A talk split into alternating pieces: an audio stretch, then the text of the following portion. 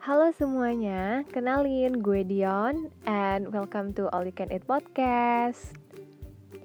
Wah, episode pertama nih, finally. Puji syukur banget, alhamdulillah akhirnya gue bisa uh, launching kali ya sekarang di episode pertama ini. Dan uh, makasih dulu kayaknya ya. Uh, makasih buat kalian nih para listeners yang sekiranya udah sudi mampir ke All You Can Eat Podcast cuma buat dengerin celotehan gue yang mudah-mudahan ada faedahnya lah ya sedikit banyaknya buat kalian. Dan karena memang episode pertama ya perkenalan dulu lah ya layaknya.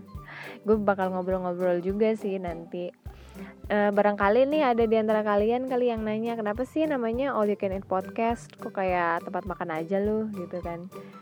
Ya sebenarnya simple sih memang terinspirasi dari situ. Kan All You Can Eat kan uh, resto yang lo bisa makan apa aja kenyang sepuasnya enak-enak semuanya. Nah gue harap lo juga sama di sini. Jadi gue nggak mau ngebatasin sih uh, buat podcast gue nih ngebahas cuma satu tema doang gitu enggak. Gue pengennya semua bisa gue bahas di sini dan ya gue harap ibaratnya lo lagi mampir lagi makan di all you can eat restoran ya gue harap di sini juga lo bisa denger apa aja. Enak-enak semuanya berfaedah semuanya dan ya bisa nyenengin lo lah ya Anyway, di episode pertama kali ini gue bakal ada satu pembahasan yang menurut gue menarik cuy Karena gak akan pernah ada habisnya nih ngebahas ini. Gue bakal ngebahas tentang generasi-generasi manusia nih baik di zaman dulu maupun sekarang. Tapi kayaknya kita masih hidup berdampingan. Iya gak sih? Iya kali.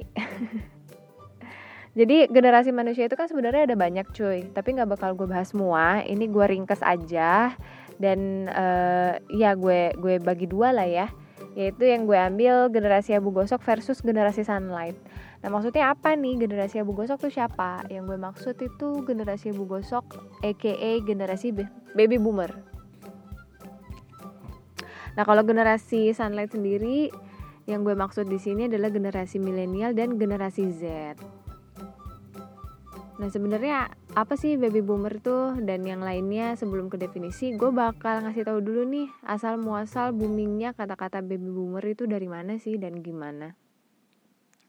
Gue bakal bacain satu artikel ya, dikutip dari halaman tirto.id. Jadi asal muasal sebutan baby boomer itu ternyata berasal dari Amerika Serikat yang viral pada bulan November tahun 2019 lalu melalui sebuah video yang beredar di platform TikTok.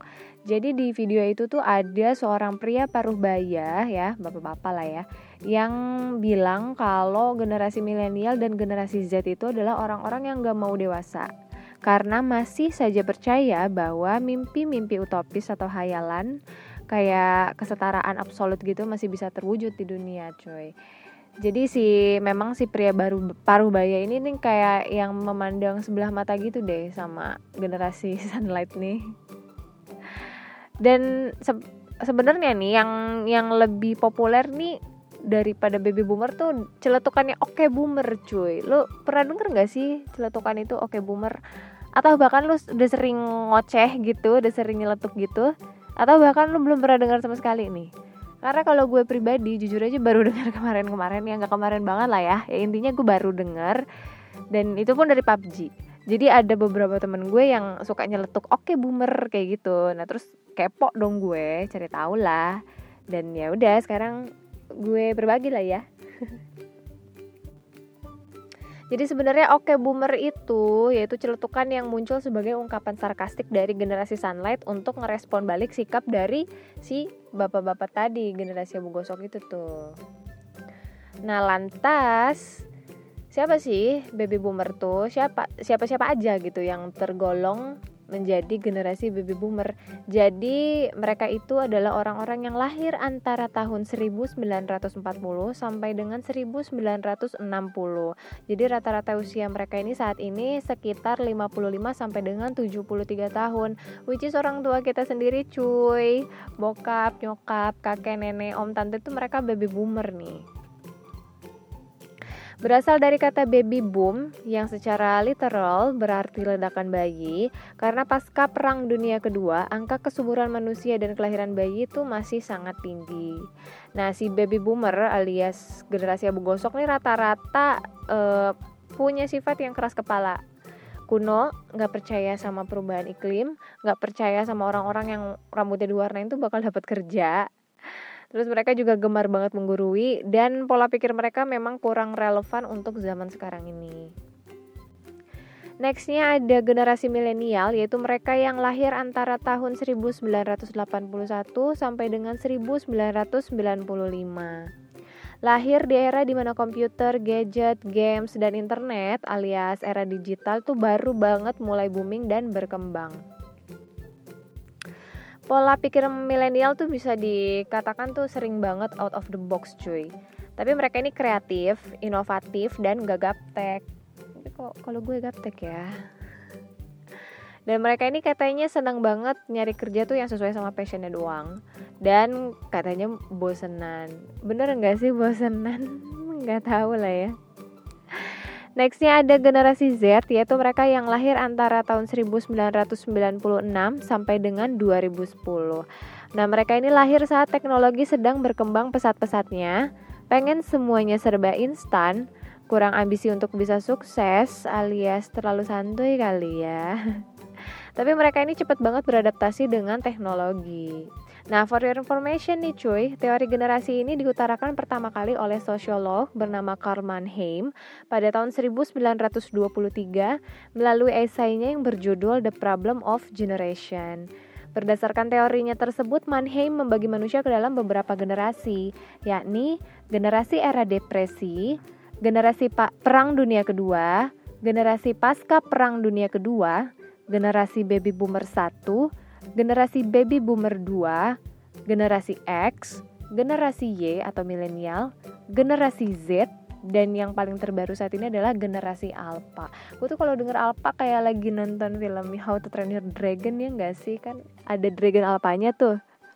Jadi perasaan generasi yang paling terbaru saat ini, the latest generation tuh, aduh keren banget ya generasi Alpha cuy gitu. Anyway, kenapa sih gue ngangkat temanya versus kok kayak lagi berantem gitu, kayak lagi ribut gitu? Emang iya nggak sih? Kalian ngerasa nggak sih para generasi abu gosok nih, para sesepuh kita kadang suka mandang kita tuh sebelah mata gitu ya? Iya kayaknya. karena nih memang e, mereka rata-rata menganggap kita itu sebagai generasi yang apolitis cuy. Alias anti politik terus mudah cemas nggak berani ambil resiko pemalas cenderung mengandalkan orang lain susah kompromi cuman pengen kerja yang sesuai passionnya doang dan nggak memiliki keterampilan komunikasi yang baik karena terlalu bergantung pada gawai atau gadget.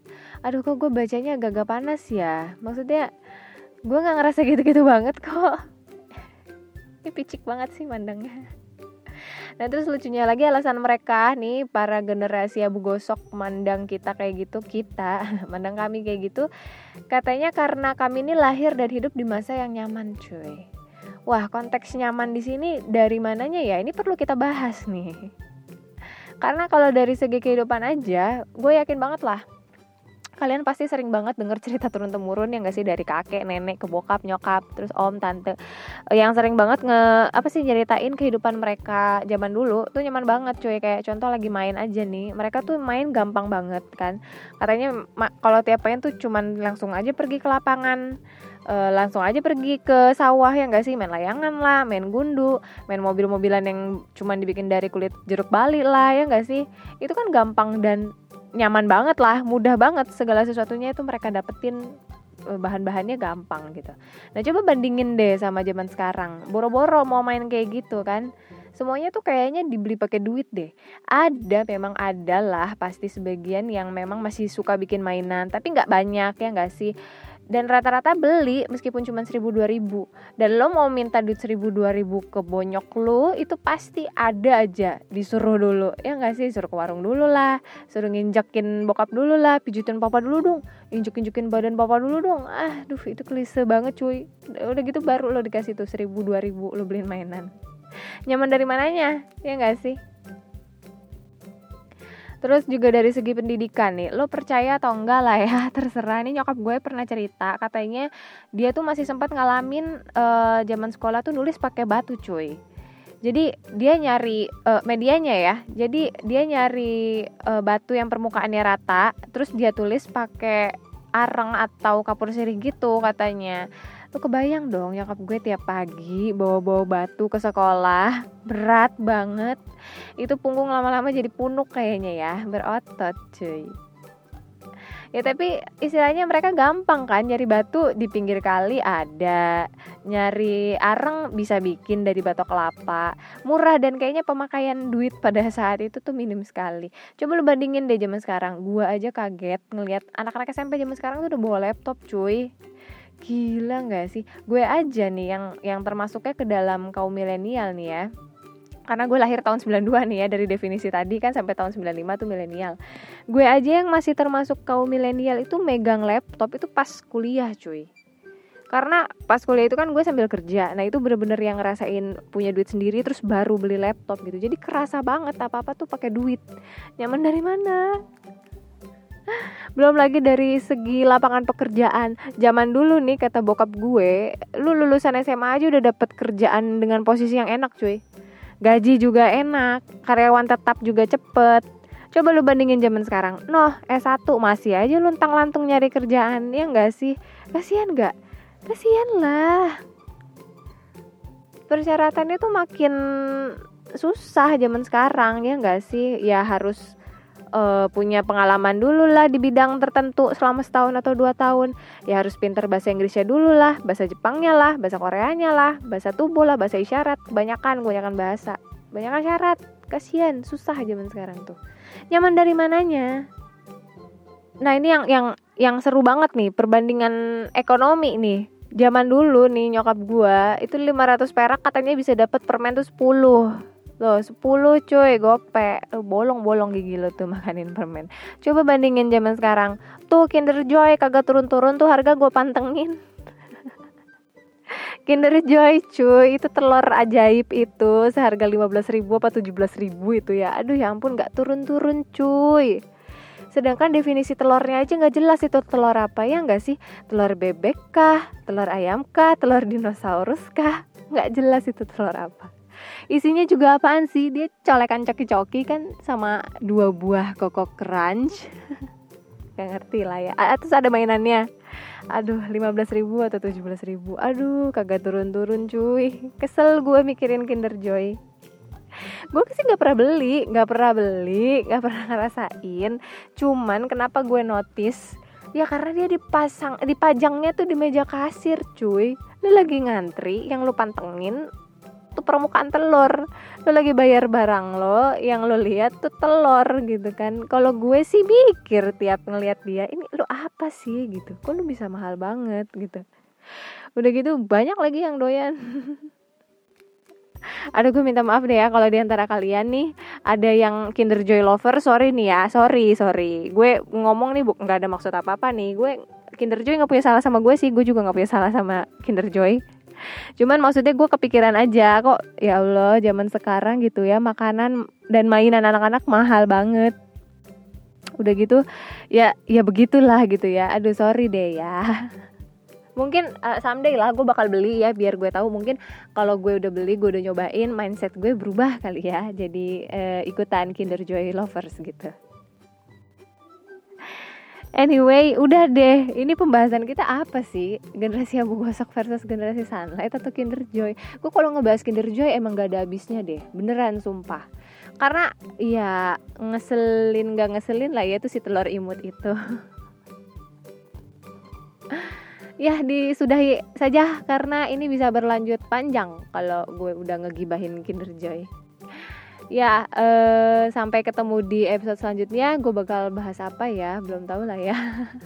Kita lihat aja nanti. Sekali lagi thank you so much buat yang udah mampir ke All You Can Eat podcast buat dengerin gue. Jangan lupa dipromosiin ya.